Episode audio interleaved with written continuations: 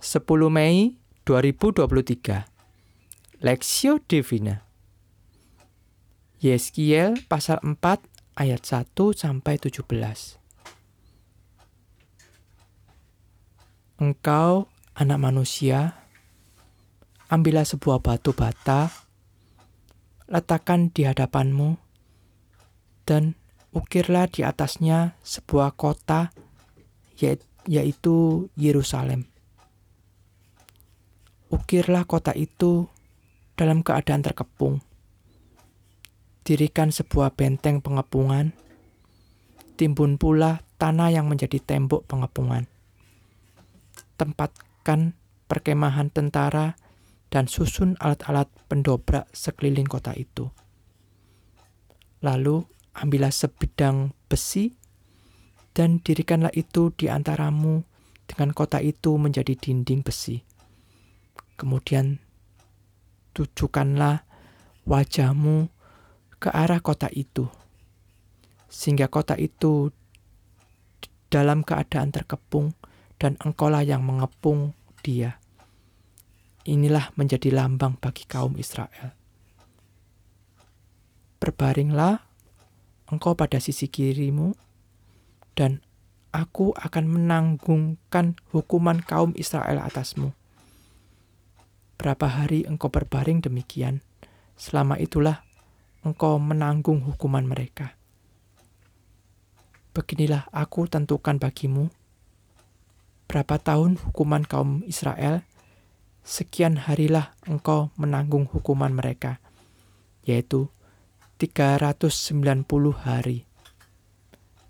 Kalau engkau sudah mengakhiri waktu ini, berbaringlah engkau untuk kedua kalinya tetapi pada sisi kananmu, dan tanggunglah hukuman kaum Yehuda empat puluh hari lamanya. Aku menentukan bagimu satu hari untuk satu tahun.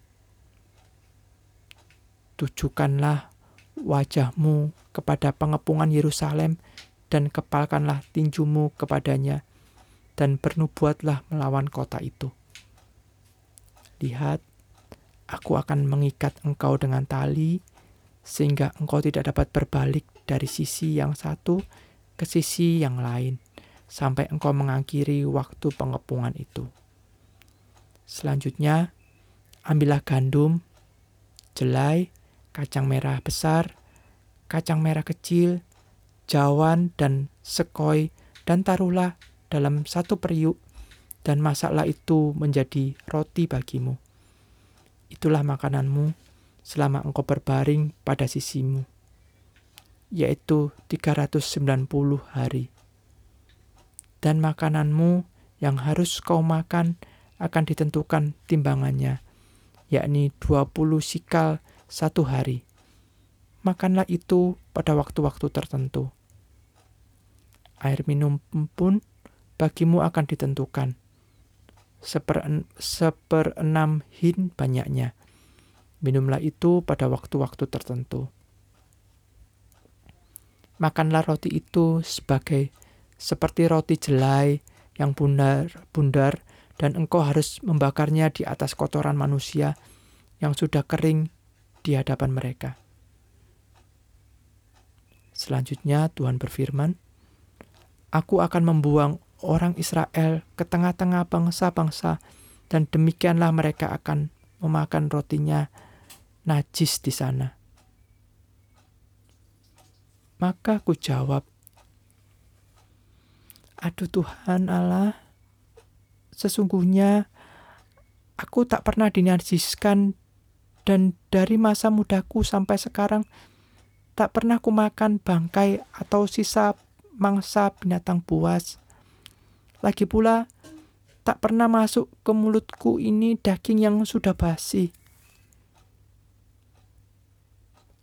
Lalu firmannya kepadaku, Lihat, kalau begitu aku mengizinkan engkau memakai kotoran lembu ganti kotoran manusia, dan bakarlah rotimu di atasnya. Sesudah itu ia berfirman kepadaku, Hai anak manusia, Sesungguhnya, aku akan memusnahkan persediaan makanan di Yerusalem, dan mereka akan memakan roti yang tertentu timbangannya dengan hati yang cemas. Juga mereka akan meminum air dalam ukuran terbatas dengan hati yang gundah gulana. Dengan maksud supaya mereka kekurangan makanan dan minuman dan mereka semuanya menjadi gundah gulana sehingga mereka hancur di dalam hukumannya.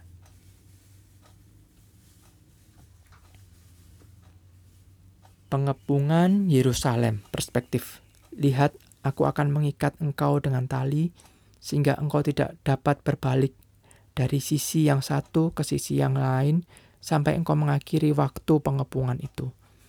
Yeskiel pasal 4 ayat 8. Bagi kita yang lahir di tahun 1090-an ke bawah pasti akan bernostalgia dengan sistem pendidikan sekolah yang cukup keras.